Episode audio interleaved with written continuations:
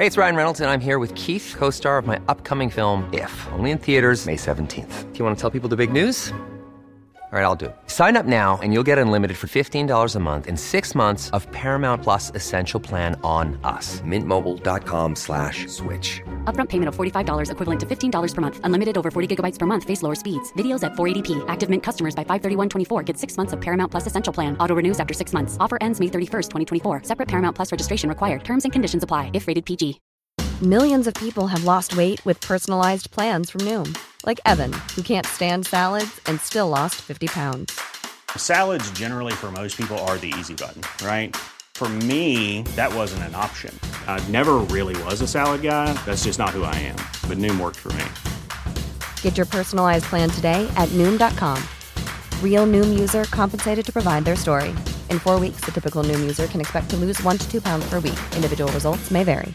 Hey, it's Danny Pellegrino from Everything Iconic.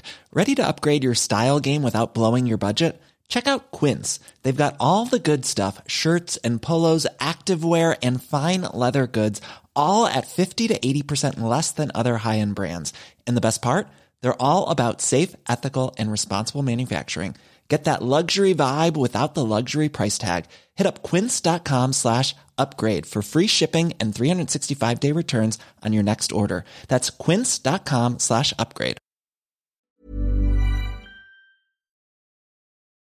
Du presenteras nu för obekräftad information. Var därför kritisk till materialet som bygger på fiktion, åsikter och vinklad fakta. Podcasten kan inte ses som en trovärdig källa.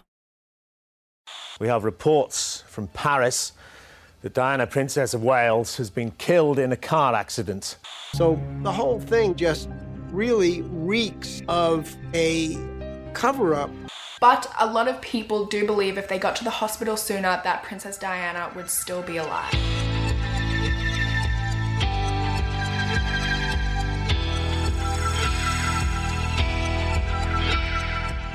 Ni lyssnar på Konspirationsteorier, en podcast med Vivi och Aida. Och det här är en annan sida av historien om Diana, the Princess of Wales.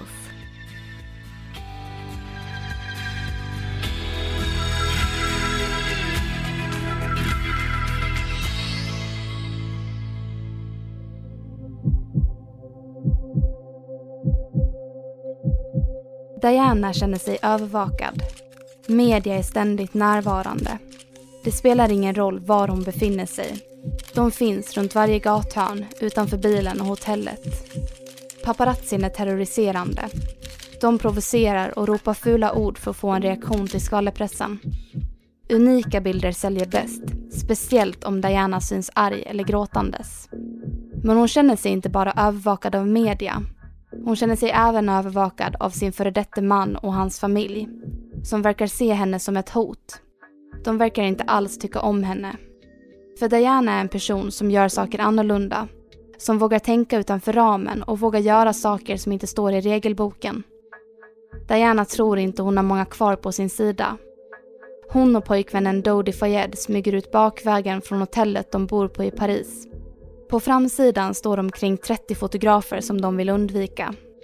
De smyger in i bilen som ska ta dem från Hotell Ritz till en lägenhet vid Avenue de Champs-Élysées. Hotellets assisterande säkerhetsansvarige, Henri Paul, kör dem i en svart Mercedes-Benz för att minimera paparazzis förföljelse. Det hjälper inte. Diana måste lägga sig ner i baksätet för att gömma sig från kamerablixtarna. Hon är världens mest kända kvinna och gör nu allt för att inte bli upptäckt. Men journalisterna och fotograferna är rutinerade. De får syn på paret och en vild jakt inleds. Bilen omringas av motorcyklar och i ett försök att skaka av sig dem ökar Henri Paul farten. Diana är rädd. Det har varit så här i många år nu.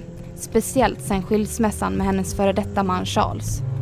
De åker in i tunneln Pontel Alma som ska ta dem till lägenheten.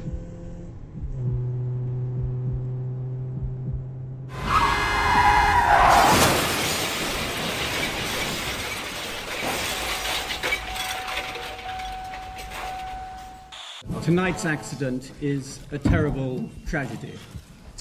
The death of the Princess of Wales fills us all with deep shock and with deep grief.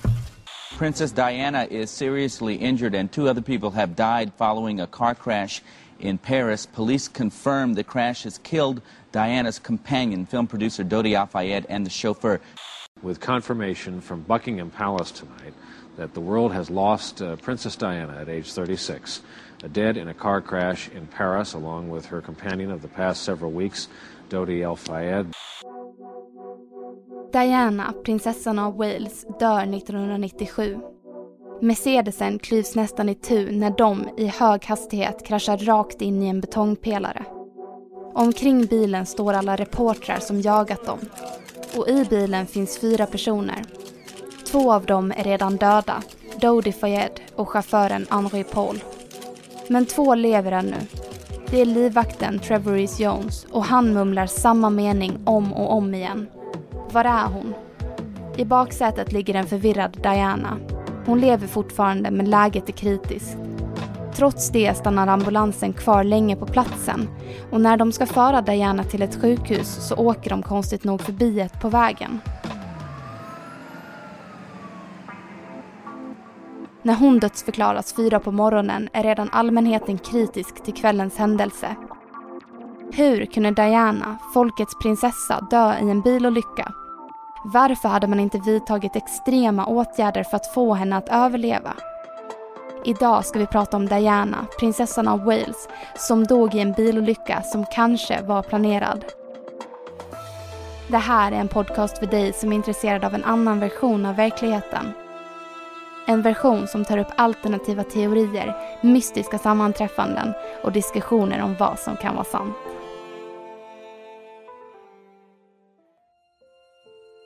Diana föddes den 1 juli 1961 och var det yngsta barnet i den adliga familjen Spencer. Även då släkten var adlig så var de inte direkt kända ansikten hos drottning Elizabeth av England. Att Diana skulle bli ingift i det engelska kungahuset kändes som en fantasi, för otrolig för att kunna bli sann. Även om Diana var smått förälskad i Charles, prinsen av Wales och Storbritanniens kronprins som ung var deras möte troligtvis arrangerat. Storbritannien sökte aktivt efter någon som kunde ge dem en tronarvinge. Diana hade den perfekta bakgrunden. Hon var adlig men ändå blyg och skulle troligtvis inte ställa till med något. Fyra år senare förlovade sig Charles och Diana. Diana skulle bli den framtida drottningen av England. Hon och Charles gifte sig i juli 1981 framför 750 miljoner tv-tittare. Diana log. Hon måste ju varit den lyckligaste kvinnan i hela världen. De första två åren av äktenskapet gick bra och Diana födde 1982 sonen prins William. Men när Diana födde prins Harry 1984 hade hennes man inget intresse kvar för henne bara tre år efter deras giftermål. Charles ögon var nu på Camilla Parker Bowles, hans livs kärlek.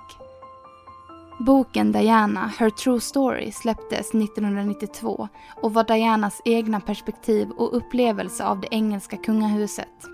Affären mellan Camilla och Charles, självskadebeteendet orsakat av medias förföljelse och fler detaljer om den brittiska monarkin som fick läsare att bara gapa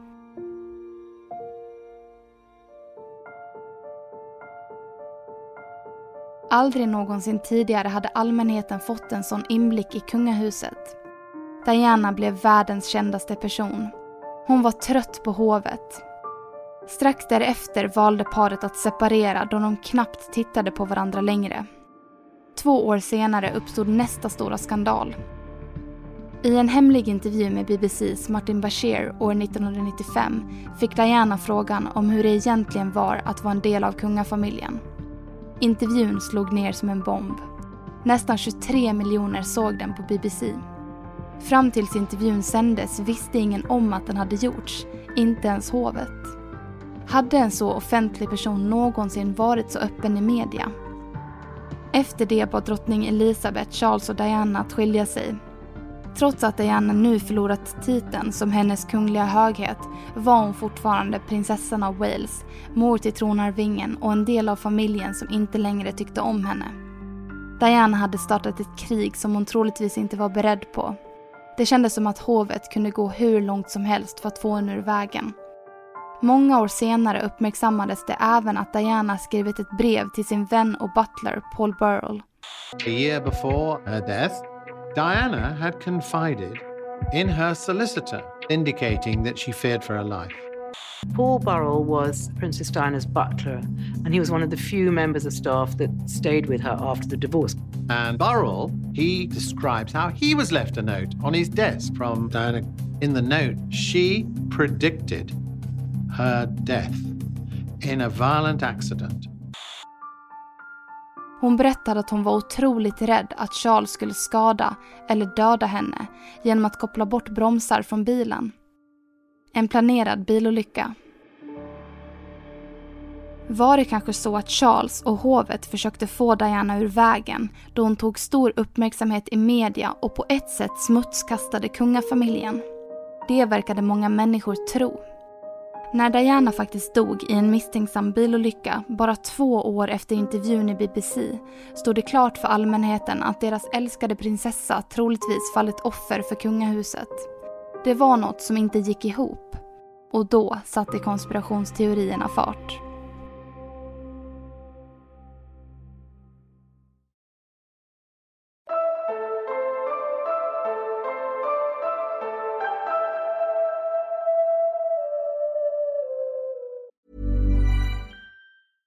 Cool fact a crocodile can't stick out its tongue. Also, you can get health insurance for a month or just under a year in some states. United Healthcare short term insurance plans, underwritten by Golden Rule Insurance Company, offer flexible, budget friendly coverage for you. Learn more at uh1.com. There's never been a faster or easier way to start your weight loss journey than with PlushCare.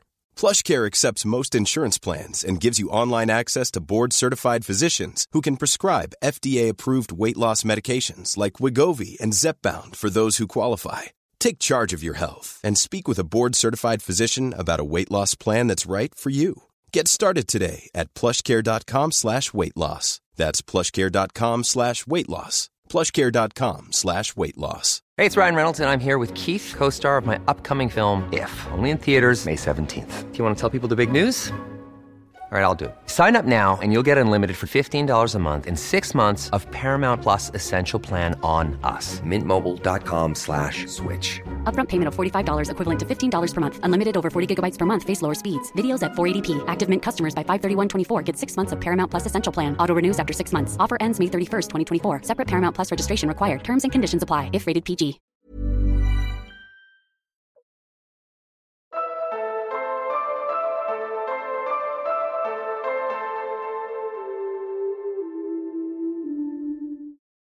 The death of Diana, Princess of Wales, on that fateful summer night has been talked about, analysed, questioned ever since. The shocking allegations about Princess Diana's death.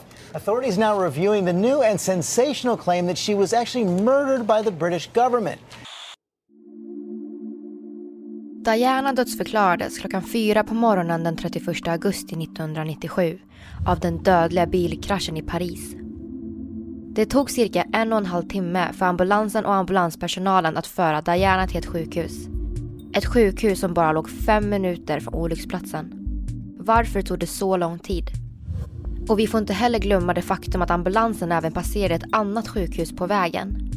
Sjukhuset som de passerade kanske inte hade den utrustningen som krävdes för att behandla Dianas skador.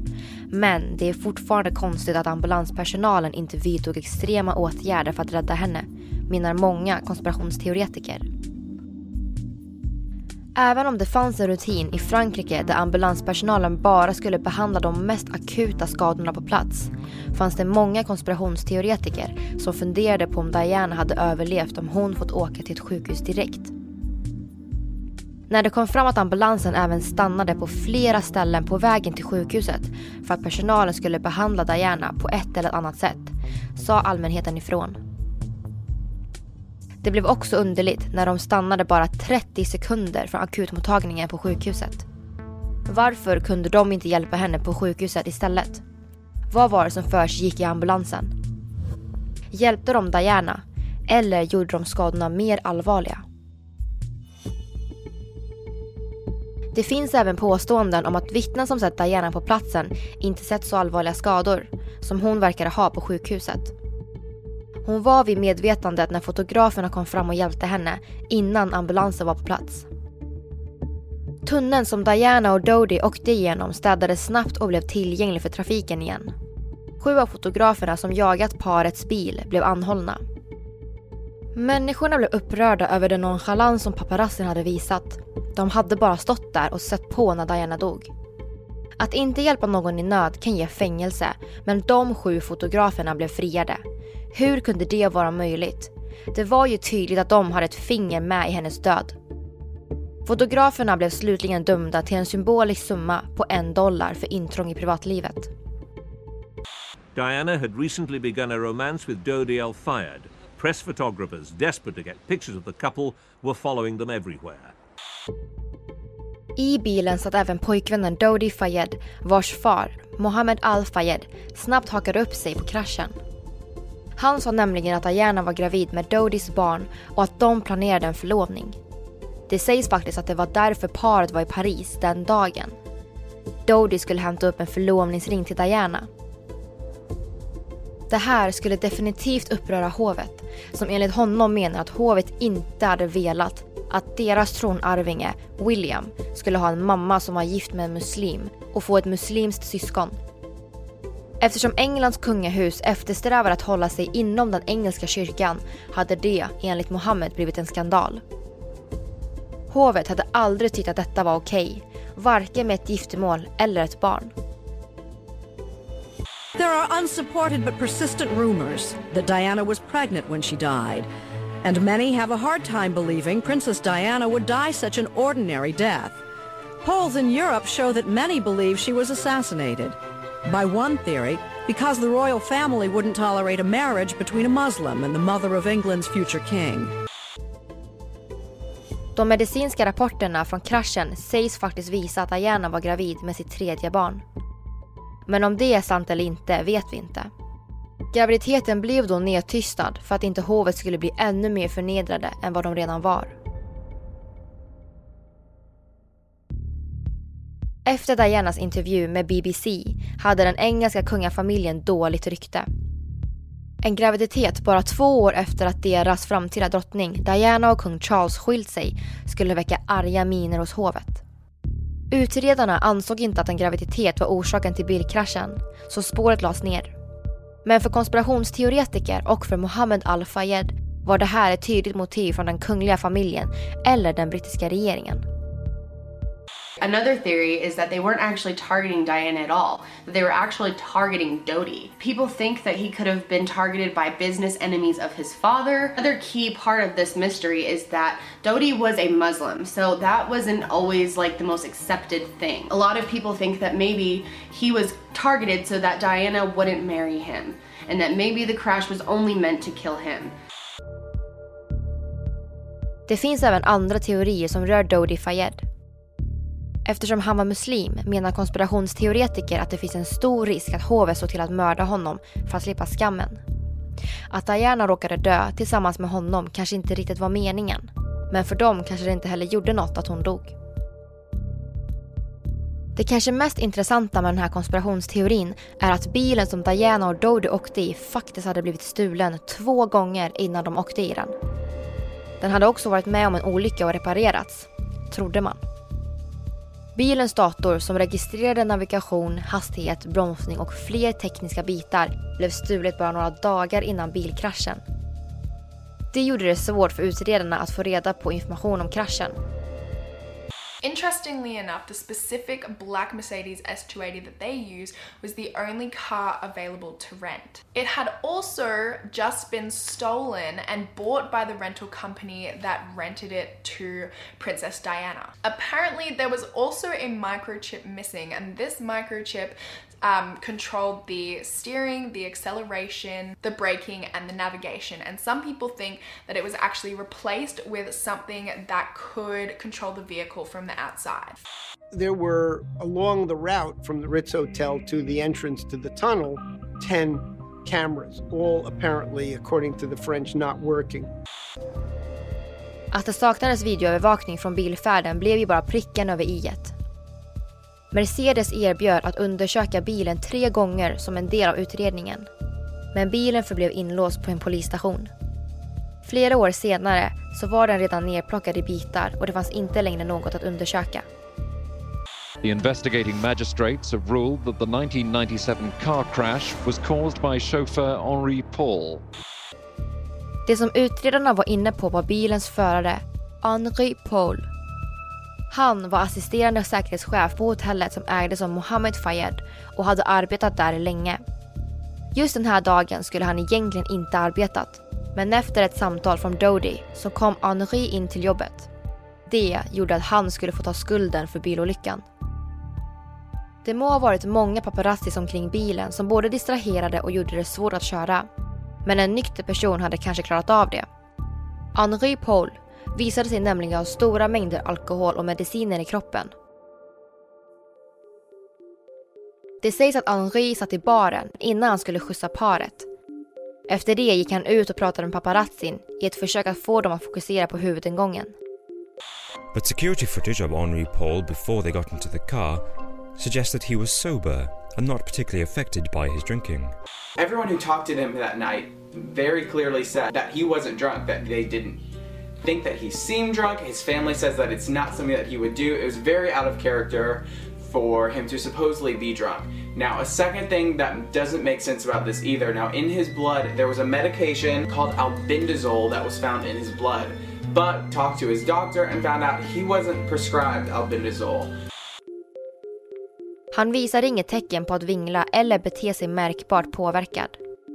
Varken Henry Pauls eller Dodie Fayets familj köpte att han skulle ha varit berusad och bad direkt att ett nytt test skulle tas. Resultatet visade detsamma.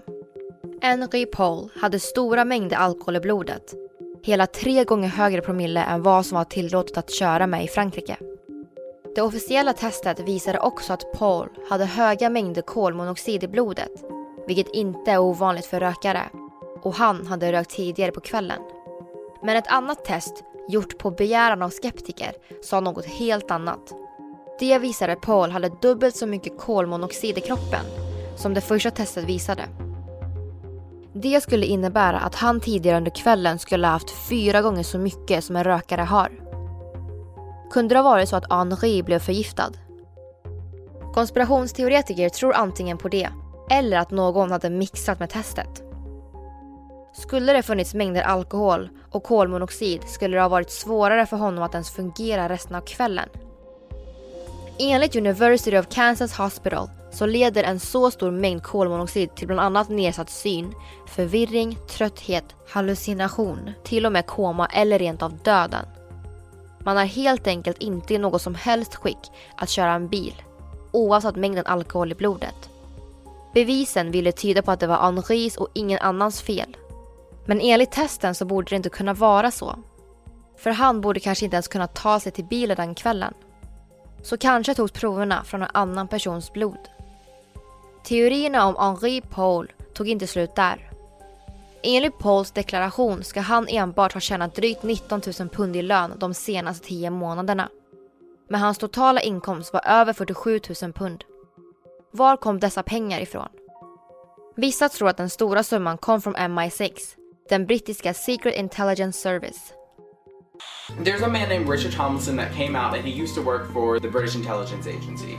Now, he came out with a statement saying that he definitely believes that the British Intelligence Agency is holding information that would yield new evidence to the case of Princess Diana's death.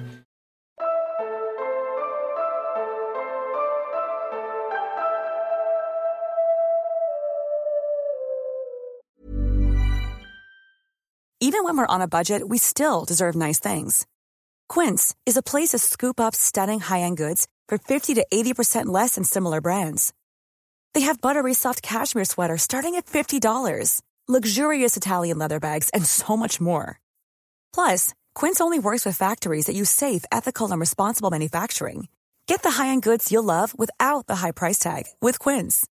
Go to quince.com/style for free shipping and 365-day returns. Even when we're on a budget, we still deserve nice things. Quince is a place to scoop up stunning high-end goods for 50 to 80% less than similar brands. They have buttery soft cashmere sweaters starting at $50, luxurious Italian leather bags, and so much more. Plus, Quince only works with factories that use safe, ethical, and responsible manufacturing. Get the high-end goods you'll love without the high price tag with Quince. Go to quince.com/style for free shipping and 365-day returns.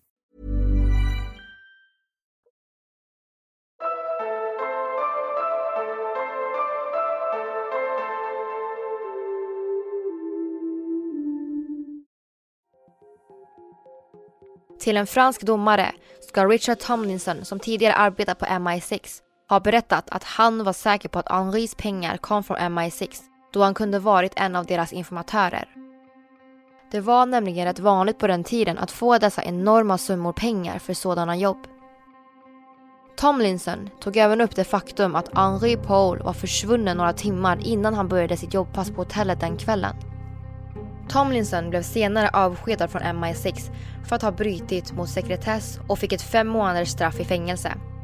Men det allmänheten fick veta av detta var att om det stämde att Henri var informatör skulle MI6 haft information som utredarna och domaren skulle haft nytta av.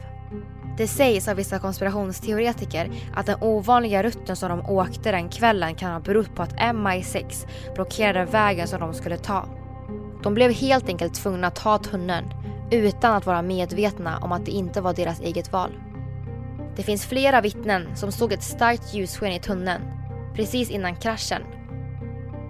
De flesta av vittnena konstaterade att ljuset inte var en kamerablixt. Det var troligtvis ett så kallat strobe light som användes för att förblinda chauffören. Därefter flydde MI6 från platsen helt obemärkt. Princess Diana expressed fear of British Secret Service operatives working for MI5 and MI6. Was her fear finally and conclusively proven correct? Retired MI5 agent confesses on his deathbed, I killed Princess Diana. När man inspekterade bilvraket hittade man även något annat. Det fanns nämligen vita spår på bilen som tydde på att den hade skrapat i en vit bil. Det visade sig vara en Fiat, men som spårlöst hade försvunnit efter kraschen. Uh, vehicular homicide would, would imply basically that this was a willful intent to cause a collision uh, that would either be fatal for the passengers in the car, in the Mercedes, or would uh, at least severely injure the people in the car. Kanske var det MI6 som rammade Mercedesen in i pelaren och sen flydde. Operation Paget, som var en polisundersökning som tittade på alla konspirationsteorier kring Dianas och Dodis död, sattes i verk. Mohammed Al-Fayed hävdade i Operation Paget att Fiaten tillhörde en journalist vid namn John Paul James Andanson. Och när han plötsligt dog menade Mohammed att det antingen var av skuldkänslor eller att han faktiskt blev mördad av franska eller brittiska Secret Service. Men vad hade MI6 med prinsessan av Wales att göra och varför skulle de vilja mörda henne? Dianas död berörde många. Likt Michael Jackson, Elvis Presley och Marilyn Monroe finns det teorier om att hon fejkade sin död för att leva ett liv fri från medias ständiga bevakande tillsammans med sin kärlek, Dodi Fayed. Om det är sant vet vi inte, men vi kan ju hoppas. För annars får vi acceptera att hon dog av en bilkrasch i en tunnel i Paris, jagad av paparazzi och med en full chaufför som väjade in i en pelare. Och det låter inte lika trevligt. Mot slutet av sitt liv var Diana rädd. Ofta bad hon sin vän och butler Paul Burrell att titta under bilen och efter något som skulle kunna skada henne. Så var det verkligen en slump att hon dog? Eller en del av en konspiration?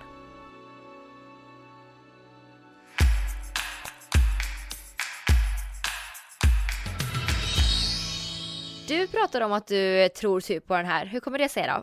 Ja, alltså det här är väl kanske en av de eh, teorierna som vi har tagit upp i podden som jag kanske tror lite mer på. Just för att det är väldigt misstänksamt alltihopa. Speciellt med tanke på, ja men liksom att kraschen hände i den här tunneln och det fanns ingen så här, övervakning och just med kungafamiljen och jag vet inte, det är bara för alldeles för mycket saker som inte stämmer. Och nu när du pratar om tunneln så kan jag faktiskt lägga till någon grej i det. Tydligen så upptäckte man även ett rött märke på Dianas lår. Och då undrar ju då konspirationsteoretikerna ifall det här kunde vara ett dödligt gift. Mm. Och de menar då att man på något sätt har sprutat in gift via låret. Och i och med att det inte fanns någon övervakning i tunneln så såg man inte vad som hände. Så vad som helst kan ha hänt. Det här kom också upp i samband med att det fanns vittnen som påpekar att Diana inte såg ut att ha så allvarliga skador som ja, det visade sig att hon faktiskt hade. Och därför tror konspirationsteoretiker att man i ambulansen gjorde skadorna värre genom att förgifta Diana Mm. och därav det röda märket på hennes lår. Mm. Men då vill jag också tillägga en grej där att bara för att någonting inte ser allvarligt ut så kan det fortfarande vara väldigt allvarligt för det kan fortfarande vara inre blödningar som var orsaken till att det blev väldigt, väldigt akut när de åkte till sjukhuset. Men som sagt, man vet ju inte vad som har hänt för att det fanns ju ingen övervakning. Alltså, de kan ju ha gjort vad som helst liksom. Ja, just det där med att hon kanske har fått gift i sig vet jag kanske inte om jag tror på. Men jag vet ju inte, alltså man, man har ju inte sett någonting. Även fast det fanns fotografer där som fotade så finns det ju liksom inget, det finns ju ingen bevis egentligen. Nej, och det jag känner främst är ju att brukar man ha övervakningskameror i tunnlar? Ja, alltså just i den här tunneln så fanns det faktiskt, jag tror det var typ tio eller upp mot tio stycken faktiskt, men de var av. Vad konstigt att de var av just den kvällen där Diana faktiskt skulle dö. Ja, faktiskt. Och just alltså nu när vi väl är inne på den här tunneln då. Det fanns ju faktiskt flera vittnen som såg ett sånt här starkt ljussken från en strobe light och att man använde det för att förblinda chauffören så att alltså allting kanske, de kanske använde flera saker för att verkligen säkerställa först kanske MI6 eller MI5 försökte lura in dem i tunneln genom att styra in dem dit. Sen kanske de använde den här strobe-lighten. Sen kanske de använde den här Fiaten för att köra in dem liksom. Och sen giftet för att eh, kanske döda henne eller så. Och sen det här med ambulans. Alltså förstår du, det är så många grejer som... eh, Det finns så mycket konstiga grejer, men det där med bilen, det tar ju priset verkligen. Mm. Att, den, eh, att den var i princip trasig med det där kortet. Alltså det där, det där kortet i bilen då, eller vad det nu är, som spårar saker. Och att den Precis. inte fanns och sen ingen kameraövervakning heller, det är ju skumt. Ja men och det här med att de pratar, eller att Mohammed Al-Fayed, att han trodde att de försökte döda Diana för att hon var gravid. Ja. Det finns faktiskt en annan konspirationsteori om Diana och det handlar faktiskt om hennes barn prins Harry. Diana var ju otrogen med James Hewitt och kanske efter då hon och Charles separerat. Detta är faktiskt ett faktum och Charles var ju också otrogen med Camilla så båda var ju otrogna mot varandra och deras Mm. äktenskap var kanske inte det bästa. Det man tror är i alla fall att Dianas andra barn Harry kan vara James barn för eh, tydligen så är de väldigt lika enligt konspirationsteoretiker. Jag vet ju inte riktigt om jag tycker de är sådär jättelika. Nej. Vi lägger upp det här på Instastory så får ni avgöra själva om ni tycker att de är lika eller inte. Mm, men precis. Ska vi gå vidare med lite mer teorier då? Ja. Efter Dianas död då så förväntade sig allmänheten att kungahuset skulle vara ja, men, förstörda. Jag menar, de hade ju förlorat en familjemedlem och ja, man brukar ju vara väldigt ledsen då om det händer. Och eh, då när de eh, gick ut och pratade i media, typ när drottningen gick ut och berättade att ja, men Diana är död, så visade de i princip inga känslor alls. Det var så här rakt upp och ner bara, hon är död. Och eh, då blev människor så här arga för att de tyckte inte att de brydde sig tillräckligt så här, hallå visa att ni är ledsna, fäll en tår, alltså vad som helst, men eh, var inte robotar. Sen blev de ännu mer arga för att kungahuset till en början inte hissade deras flagga på halvstång och att de velade fram och tillbaka om hon ens skulle få en kunglig begravning. För att hon hade ju inte kvar sin titel som hennes kungliga höghet längre efter skilsmässan med Charles. Men folket såg ju ändå henne som deras prinsessa, alltså hon var ju folkets prinsessa. Kungahuset så här velade fram och tillbaka, de visste inte hur de skulle göra. Och då blev man ännu mer arg och ännu mer besviken på varför kan ni inte bara bestämma er, säg bara ja eller nej. Men de valde i alla fall till slut att hissa flaggan på halvstång och hon fick den här kungliga begravningen. För att troligtvis så kom de väl fram till att de hade blivit ännu mer hatade annars. För att just här så trodde man ju nästan, man trodde ju direkt typ att det var de som låg bakom hennes död. Så konspirationsteoretikerna tror ju att det finns en konspiratorisk anledning till det här, att de höll på med att vela. För det jag tänker främst är ju det faktum att de visade inga känslor. Även om någon som jag kanske inte tycker om hade dött hade jag ju fortfarande varit ledsen. Det är klart att folk tror att de eh, har någonting med det att göra då. Mm. Ja men eh, så här, de, eh, de kanske inte visade några känslor för att de hade mördat henne. Det faktum är ju att det kan ju kanske vara så för att Queen Elizabeth har ju faktiskt immunity. Men jag vet inte om det här är sant utan det här är någonting jag såg på Scandal som är en serie som pratar om att ah, the Queen has immunity, she's above the law. Och jag såg det här innan vi skulle spela in avsnittet så jag bara ah, okej. Okay.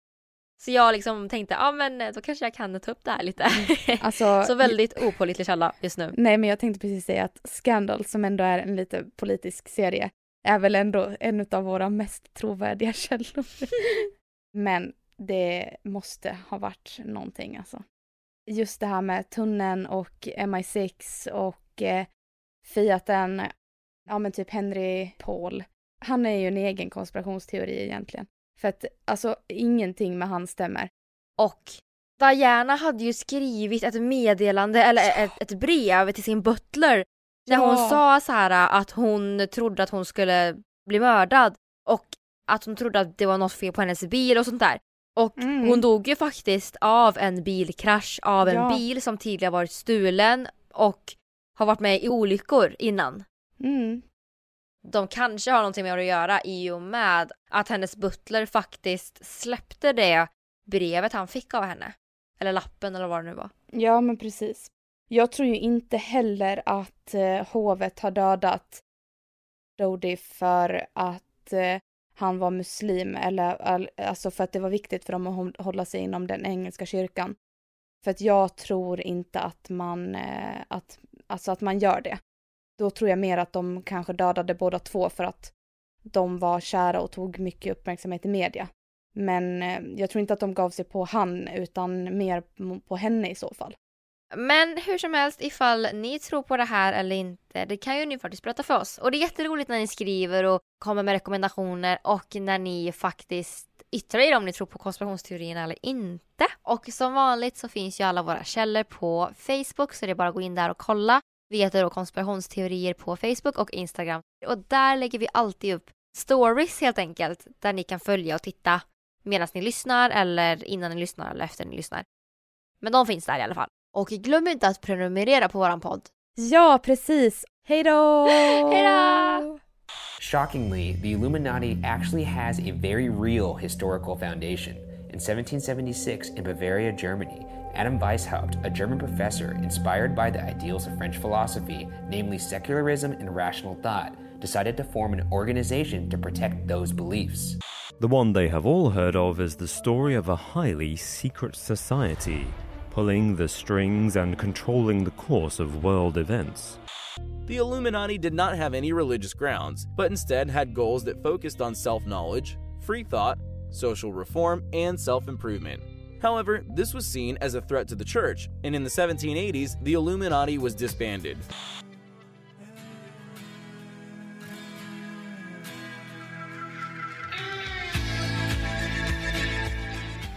Ni har lyssnat på konspirationsteorin om Diana, the Princess of Wales med Vivian Lee och Aida Engvall. Det här är konspirationsteorier.